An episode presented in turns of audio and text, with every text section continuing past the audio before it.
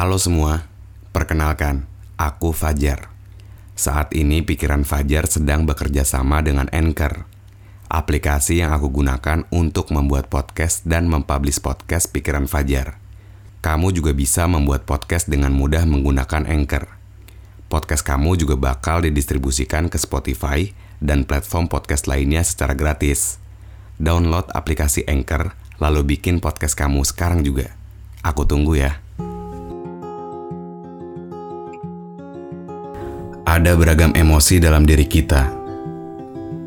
Bahagia, sedih, kecewa, takut, dan lain sebagainya. Bagi sebagian orang, mungkin gampang buat merasakan bahagia. Sebagian lainnya memilih untuk diam, memendam kecewa yang pernah dia rasakan. Benar, saat kita merasakan krisis percaya, kita akan susah banget buat kembali menumbuhkannya.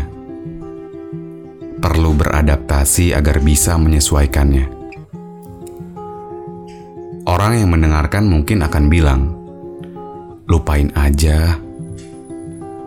Tapi sejujurnya, kita berusaha untuk tidak menolak itu semua. Sayang, rasa nggak mudah buat dilupakan.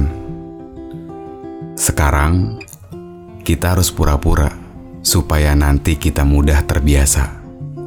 Untuk aku yang sedang tumbuh, agar bisa merasakan teduh.